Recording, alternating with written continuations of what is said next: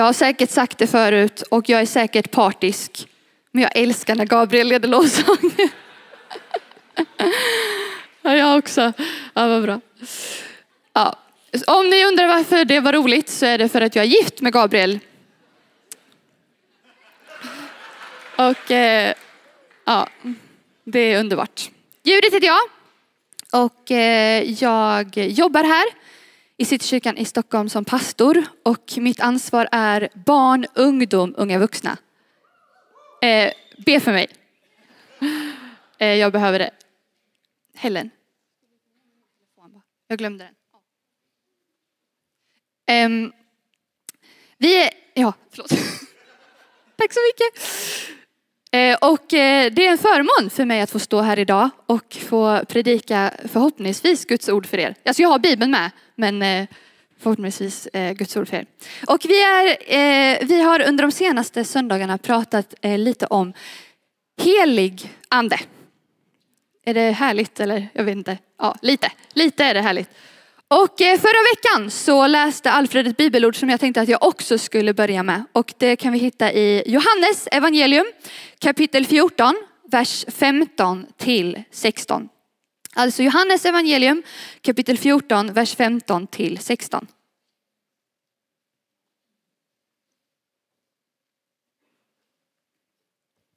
Då står det så här. Om ni älskar mig håller ni fast vid mina bud. Och jag ska be Fadern och han ska ge er en annan hjälpare som alltid ska vara hos er. Sanningens ande som världen inte kan ta emot. Till världen ser honom inte och känner honom inte. Men ni känner honom eftersom han förblir hos er och skall vara i er. Jesus gick på den här jorden. Han sa du och du och du och du och du och du ska bli mina lärjungar. Och så samlade han massa andra lärjungar runt sig och så sa han typ, så här ska ni leva era liv eh, om ni vill följa mig. Är vi med på det? Och när han lämnar den här jorden så säger han innan han lämnar den här jorden, jag kommer inte lämna er för alltid. Utan jag kommer sända en annan hjälpare, alltså någon som ersätter Jesu närvaro här på jorden. Och han ska vara med er alltid. Han ska till och med bo i er.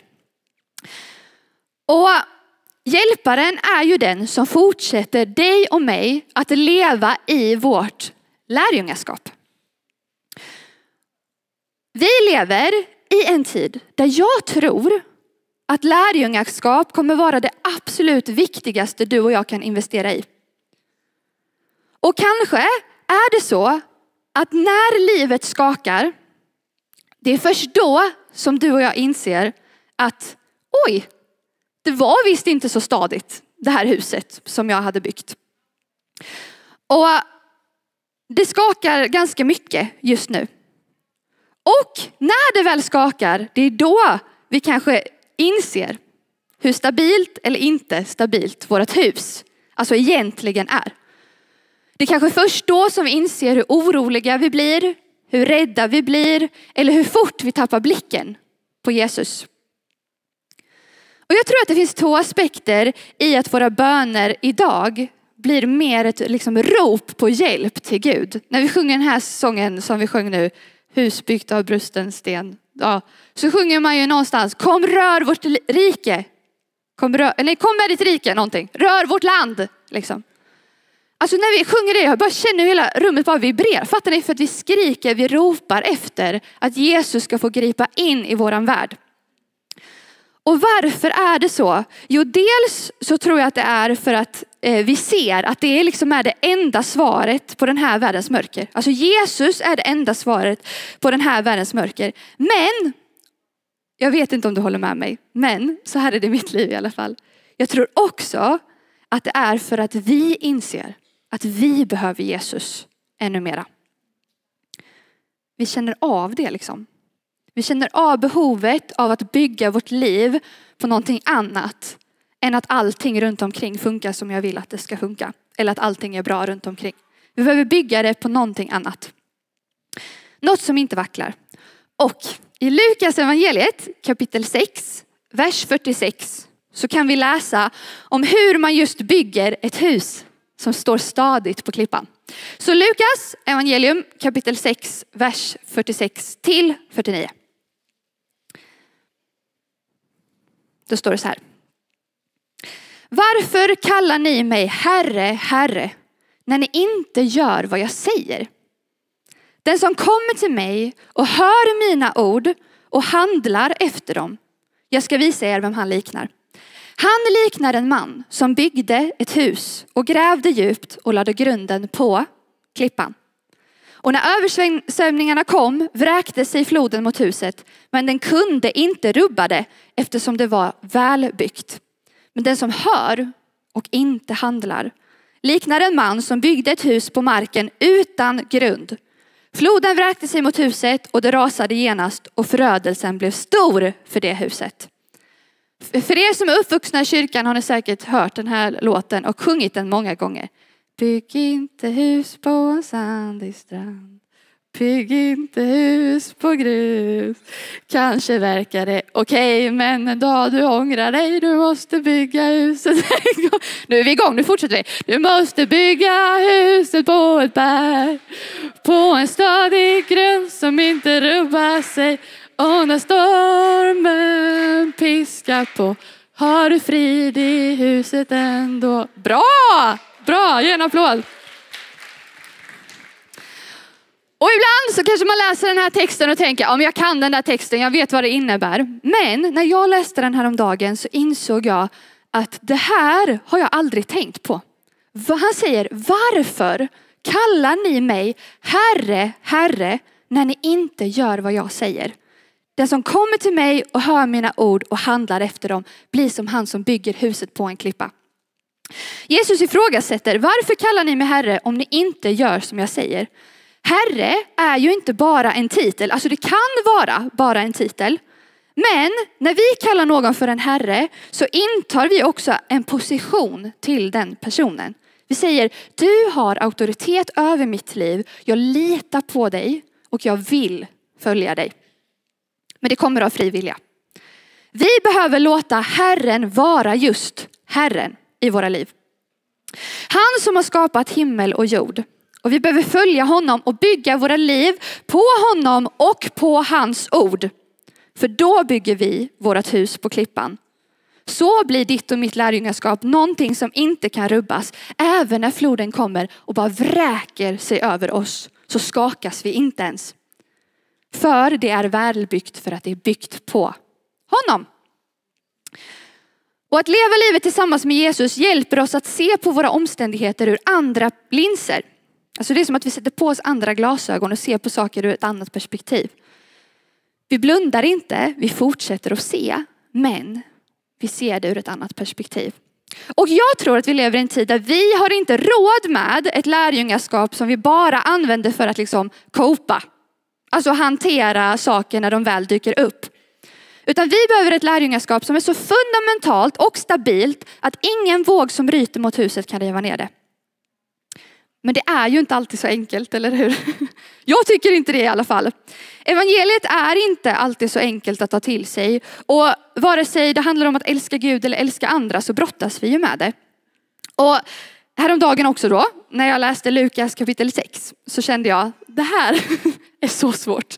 Så vi läser Lukas kapitel 6, vers 27 till 36. Då står det så här.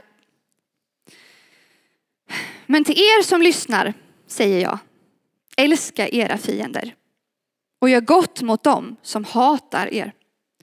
Välsigna dem som förbannar er och be för dem som förolämpar er. Om någon slår dig på ena kinden så ska du vända andra kinden till. Och om någon tar ifrån dig din mantel så låt honom ta din tunika också. Ge åt alla som ber dig och om någon tar det som är ditt så kräv inte det tillbaka. Jag tycker det är jättekonstigt. Så, som ni vill att människorna ska göra mot er, så ska ni göra mot dem. Om ni älskar dem som älskar er, ska ni ha tack för det. Även syndare älskar dem som visar dem kärlek. Och om ni gör gott mot dem som gör gott mot er, ska ni ha tack för det. Även syndare gör samma sak. Och om ni lånar ut till dem som ni hoppas ska ge tillbaka ska ni ha tack för det. Även syndare lånar ut till syndare för att få lika tillbaka. Nej, älska era fiender. Och gör gott och låna ut utan att hoppas att få något igen. Då ska er lön bli stor och ni ska bli den högstes barn. För han är god mot de otacksamma och onda. Var barmhärtig så som er far är barmhärtig. Alltså det här utmanade mig rejält när jag läste det i fredags. Jag är inte heligare bara för att jag står här uppe än någon annan. Utan jag kände direkt, men vad menar du? Så om någon snor mina grejer så ska jag bara så här, varsågod, här, ta dem. Det gör mig ingenting, jag bryr mig inte. Det går jättebra. Liksom. Eller om någon eh, liksom slår mig på min kind, då ska jag bara... Liksom. Alltså det går ju emot hela ens liksom instinkt här inne. Eller i alla fall min instinkt. Du kanske sitter där och bara, nej men jag gör alltid sådär. Men vad härligt för dig! Det är ju jättebra för dig. Ju. Men det utmanade mig rejält i alla fall när jag läste detta igår. Och att leva efter Guds ord, alltså att leva i sån här kärlek, alltså sån utgivande kärlek, kräver tillit till vem Gud är och vad han är kapabel att göra istället för vad jag är kapabel att göra. Att leva så här är att leva för att älska andra människor på ett sätt som inte kommer naturligt för dig och mig. Och jag tror att vi kan bara leva så här om vi lever nära Jesus. För att leva nära Jesus ger oss som sagt perspektiv på våra omständigheter. Att leva nära Jesus ger oss andra ögon på det som sker i våra liv och runt omkring oss. Och vem hjälper oss att leva nära Jesus? Gissa. Ja, wow, det är som i barnkyrkan. Lika tyst också. Heligande. Okej, vi läser från Sakarja en eh, profet, kapitel 4, vers 6 till 9. Sakarja kapitel 4, vers 6 till 9. Här är Herrens ord till Zerubabel. Varken genom styrka eller makt, utan genom min ande, säger Herren Sebot. Vem är du, du stora berg, inför Zerubabel? Du ska bli jämn mark och han ska föra fram slutstenen under höga rop. Nåd, nåd över den. Och Herrens ord kom till mig. Han sa, Zerubabels händer har lagt grunden till detta hus och hans händer ska också göra det färdigt. Och du ska förstå att Herren Sebaot har sänt mig till er. Sakarja står för någonting som verkade för honom omöjligt. Men Herrens ord var, inte genom din kraft eller makt, utan genom min ande. Jesus har aldrig lovat oss att livet ska vara enkelt och det kan vi också se att det inte är just nu. Men han lovade oss att vara med oss alla dagar och det löftet infriade han genom att helig ande kom på pingstdagen. Ingen ska då behöva säga lär känna Herren, för alla ska känna mig. Så står det i Jeremia kapitel 31, vers 33 till 34. Jag ska lägga min lag, alltså, alltså hans ord, i våra hjärtan, alltså i deras inre och skriva den i deras hjärtan. Jag ska vara deras Gud och de ska vara mitt folk. Då ska de inte mer behöva undervisa varandra, ingen sin broder och säga lär känna Herren, ty alla ska känna mig. Från den minste bland dem till den störste, säger Herren. Och det här löftet tror vi infriades när helig ande kom på pingstdagen. Hans egen, alltså ande, bor i dig och mig. Vilket betyder alltså att the great I am, alltså den, ja, jag är, en del av honom bor i oss. Hans lag finns här inne nu. Och vad är det för ande som bor i dig och mig? Jo men det är ju en ande av sanning, en ande av liv, en ande av kreativitet, en ande av mod, frimodighet, en ande av frihet. Det bor i dig och mig. Han förmedlar till oss Guds levande ord som är verksamt idag. Han hjälper oss att fortsätta leva i relation med Gud Fadern. Förlåten, alltså den som tidigare skilde Guds närvaro från människan, den är borta. Den finns inte mer. Guds närvaro är här, nu, för att du är bärare av helig ande i ditt hjärta. Och det är också anden som är den som utforskar allt, också djupen i Gud. Jag vet inte hur det är med dig, men när jag får möta Gud i alla fall, så, alltså så är det som att allting annat får bara rinna av. alla jämf all jämförelse, all liksom rädsla, all oro, allt det där som får mig att känna, jag vet inte hur jag ska ta mig vidare. Liksom. Allt det där får bara rinna av i Guds närvaro. Jag vet inte hur många gånger jag har stått i lovsången på en söndag eller en tisdag eller vad vi än kan vara, en konferens eller vad det nu är. Och så plötsligt så är det som att allt det där som tidigare oroat mig bara får liksom rinna av mig. Och jag tänker att det är inte för att det är något magiskt med just lovsång. Det är för att vi liksom sjunger ut Guds ord över våra liv och våra omständigheter. Och vi får möta Gud. Hans ord, hans röst får bli liksom levande i dig och mig. Och när den blir levande så plötsligt så ser vi på våra omständigheter med hans ögon istället för våra egna ögon. Alltså rösten tar ju inte bort det jobbiga. Det jobbiga finns ju ibland fortfarande kvar. Men den ger oss hopp och tro in i det som är jobbigt. Men den där rösten, den är inte bunden till kyrkan. Den finns inte bara här inne, den finns inte bara på en söndag, den finns inte bara på alla konferenser man springer runt på, den finns inte liksom hos din pastor, den finns i dig. Fattar du det eller? ja. Jag tror att alla som varit kristna och på något länge och gått på konferenser eller olika saker kan känna igen sig i den här hypen man får efter en konferens. Man känner att allt är möjligt, nu ska jag ut och förändra världen liksom. Det är superhärligt och vi ska ha mer av sånt. Men alltså det där hoppet, det finns ju tillgängligt för oss varenda dag. Inte bara på konferenser, inte bara eh, när jag liksom kommer till kyrkan, inte bara när jag möter mina andra kristna vänner. Varenda dag finns det hoppet tillgängligt för dig och mig att ta emot av. Tänk om vi varje dag skulle få bli fyllda med samma hopp, kärlek, frid och frihet som vi kan känna efter en söndag i kyrkan. Tänk om vi skulle söka hjälp. Inte bara någon gång ibland utan varenda dag.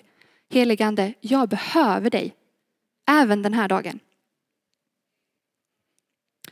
För det är ju så att när Jesus introducerar hjälparen för lärjungarna så säger han dels då att han kommer lova att vara med oss alltid. Alltså vi behöver hjälp alltid som Alfred så fint berättade för oss förra veckan. Vi behöver hjälp alltid. Liksom.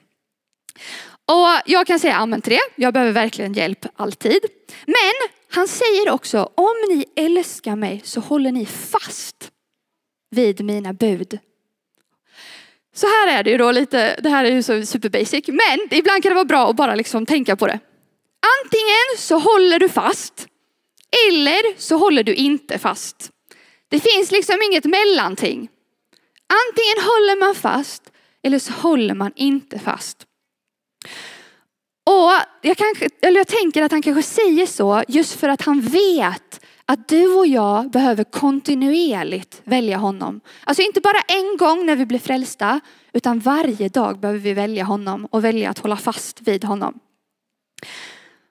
Jesus sa också, följ mig så ska jag göra er till människofiskare. Alltså inte bara följ mig en gång, utan fortsätt följa mig varje dag. Och vi kan vara intentionella i vårt följande. För att fortsätta följa honom så behöver vi göra det valet varje dag. Så när någon för, alltså frågar dig, när förvandlades du? Alltså när släppte du den där bitterheten som du levde med innan? När blev du så här frimodig? Varför är du inte rädd när hela världen verkar falla, falla samman? När folk frågar dig den frågan, när blev du så kärleksfull? Liksom? När fick du sånt hopp in i ditt liv?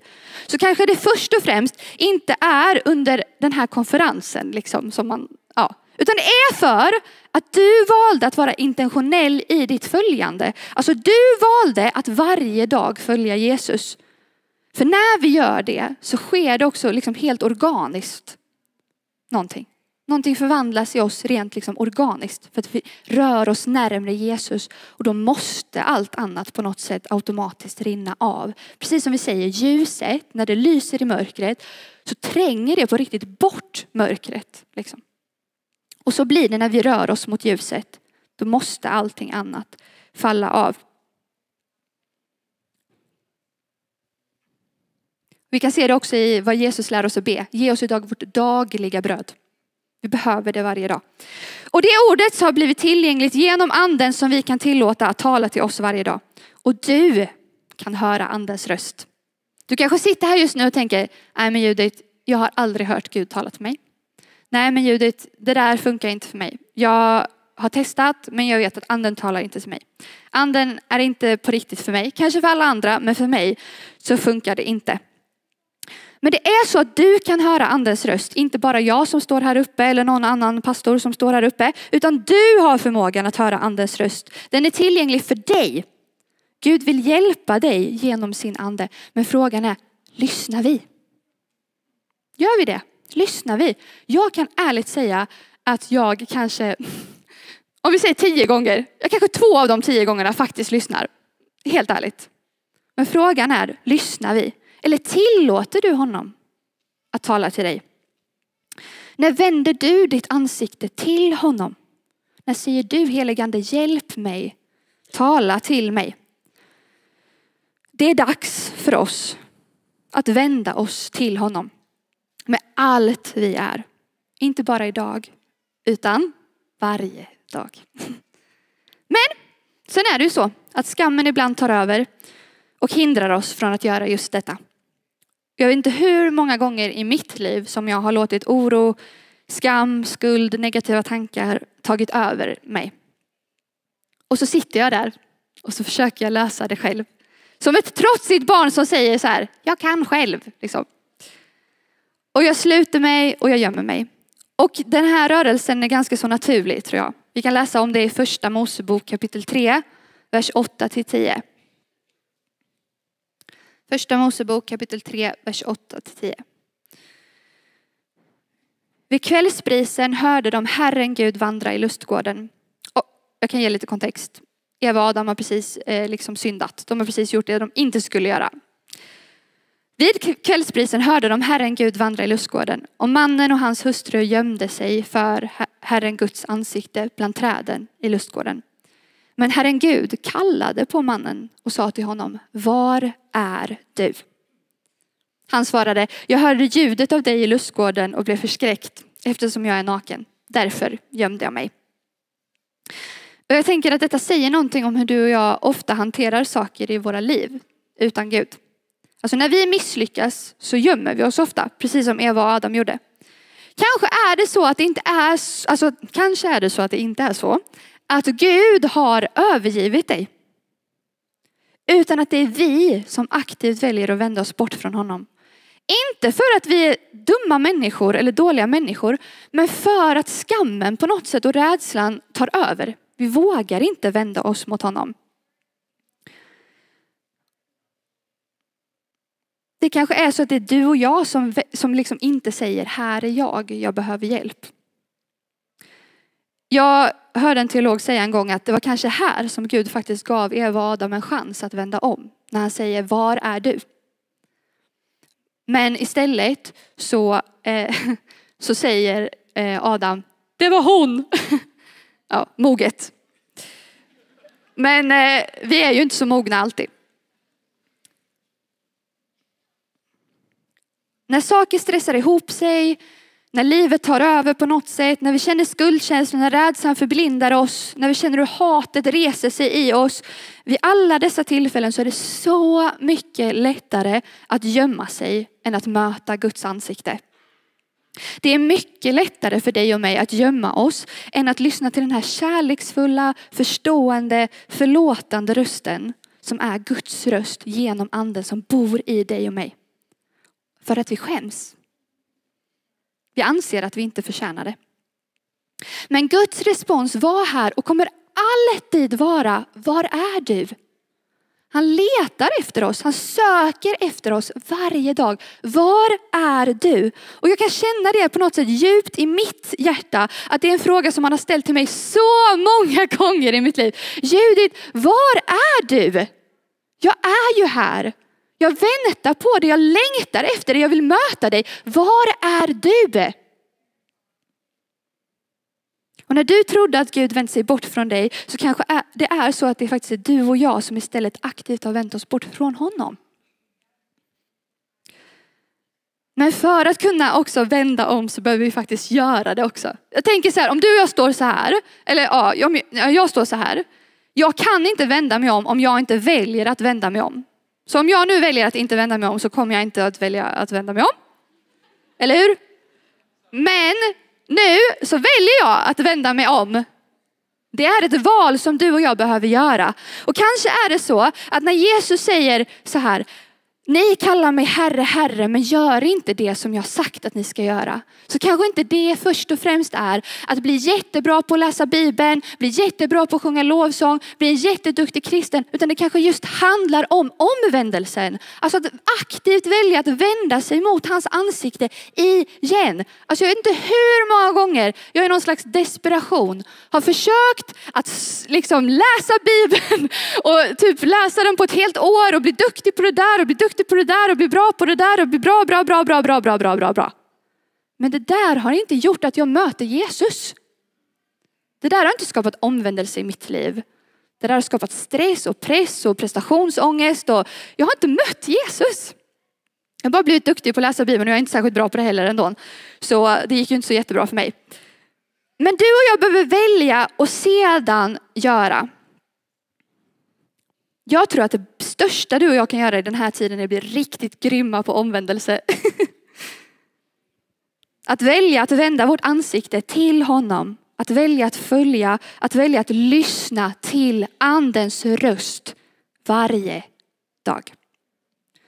För Guds närvaro är ju faktiskt här genom sin ande och han säger till dig och mig idag tror jag, var är du? Jag är ju här. Jag bor till och med här inom dig. Och jag talar till dig ständigt. Jag viskar ju, varför hör du mig inte? Mitt älskade barn, jag är här. Jag har aldrig övergivit dig. Jag har aldrig lämnat dig. Du vänder dig bort från mig. Men det är dags att komma hem nu. Det är dags att lämna bort rädslan, skammen och skulden och komma hem. Välj mig om och om igen varje dag, för jag har någonting annat för dig varje dag än vad den här världen försöker ge dig. Min nåd är ny för dig varje morgon. Mitt älskade barn, jag har liv för dig, jag har kraft för dig, jag har mitt ord av frihet för dig. Det finns tillgängligt för dig och mig. Helig ande finns här inne. Jag tror bara att det är dags att vi börjar lyssna till honom. I våran vardag, i det enkla. Inte i det storslagna och spektakulära, utan i det enkla. När du möter saker som du inte vet, hur ska jag göra nu? Jag vet inte hur jag ska göra. Åh, det här blev jobbigt. Åh, jag känner oro. Jag känner mig så dålig. Vem vänder du dig till först? Där i uthålligheten, alltså i att jag kontinuerligt vänder mig om till Jesus, så sker förvandlingen i våra liv. Där i längtan efter honom varje dag, där får vi se frihet. Vi behöver bli bättre på att bara säga helig ande, jag behöver dig. Hjälp mig. Lägga bort stolthet och säga, jag behöver dig idag. Tänk er om vi skulle kunna få bli ett folk som liksom inte brusar upp. Ett folk som älskar sina fiender, som inte låter oro trumfa tron på hoppet om ett nytt rike. Ett folk som är övertygade om att det finns en evighet som väntar på oss efter detta livet. Ett folk som är så grundade i kärleken att de obehindrat kan älska andra människor. Det är ett folk som är byggt på klippan. Mm. Och den förändringen sker inte plötsligt utan den sker av att du och jag varje dag tillåter heligande att verka i oss med Guds förvandlande ord. Guds levande ord. Och när vi misslyckas, vad gör vi då? Vi vänder oss till honom igen. Och så får han lysa med sina kärleksfulla ögon på oss och säga, det är okej. Okay.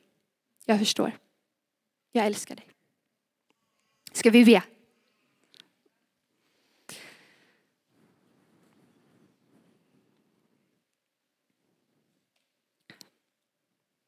Tack Jesus för att du inte har gett upp om oss. Tack för att vi varje dag får möjligheten att vända vårt ansikte till dig. Tack för att det är så att oavsett hur duktiga eller inte duktiga vi är så är du perfekt för att vi skulle slippa vara perfekta. Jag ber just nu, heligande, att all prestation i det här rummet bara skulle få rinna av varenda axel just nu i Jesu namn.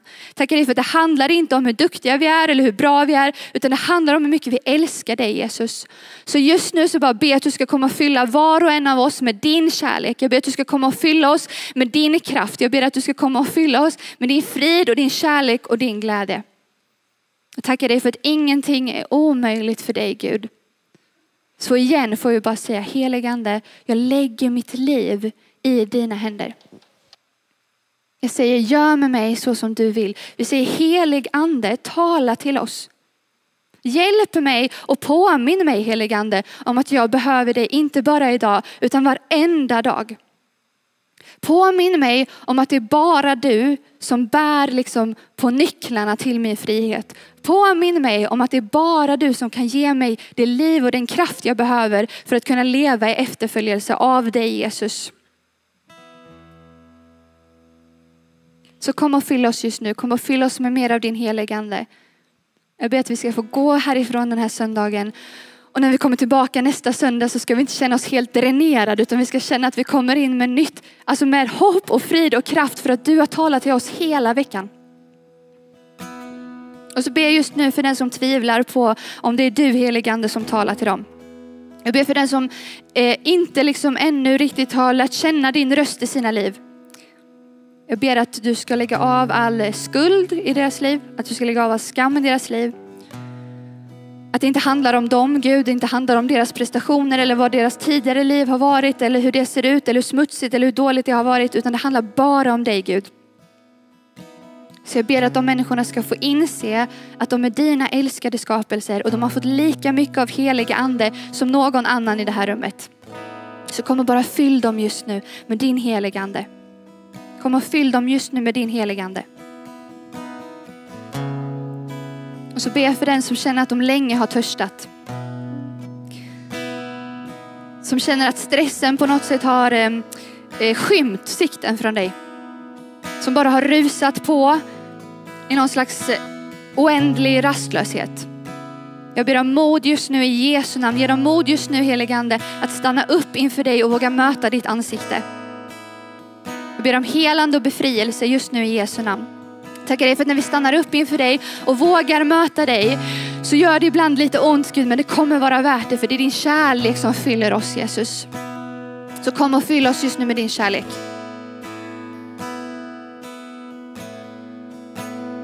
Kom och fyll oss just nu med din kärlek. Amen.